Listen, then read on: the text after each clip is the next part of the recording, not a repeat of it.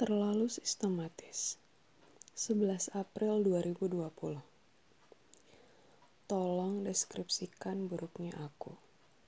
Katamu, aku terlalu sistematis. Kamu memperjelasnya dengan aku yang tidak fleksibel.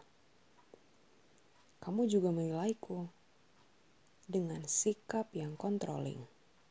Oke, okay, oke. Okay. Aku menyerah. Kubiarkan kamu menilaiku seperti itu.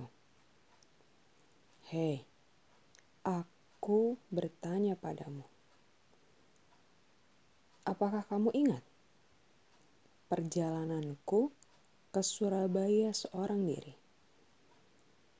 Tanpa pemesanan hotel, tanpa daftar tempat kunjungan, tanpa rencana yang matang.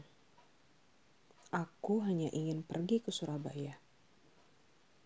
Kamu tidak pernah sadari itu. Sama halnya dengan hatimu. Tak pernah sadar. Akang.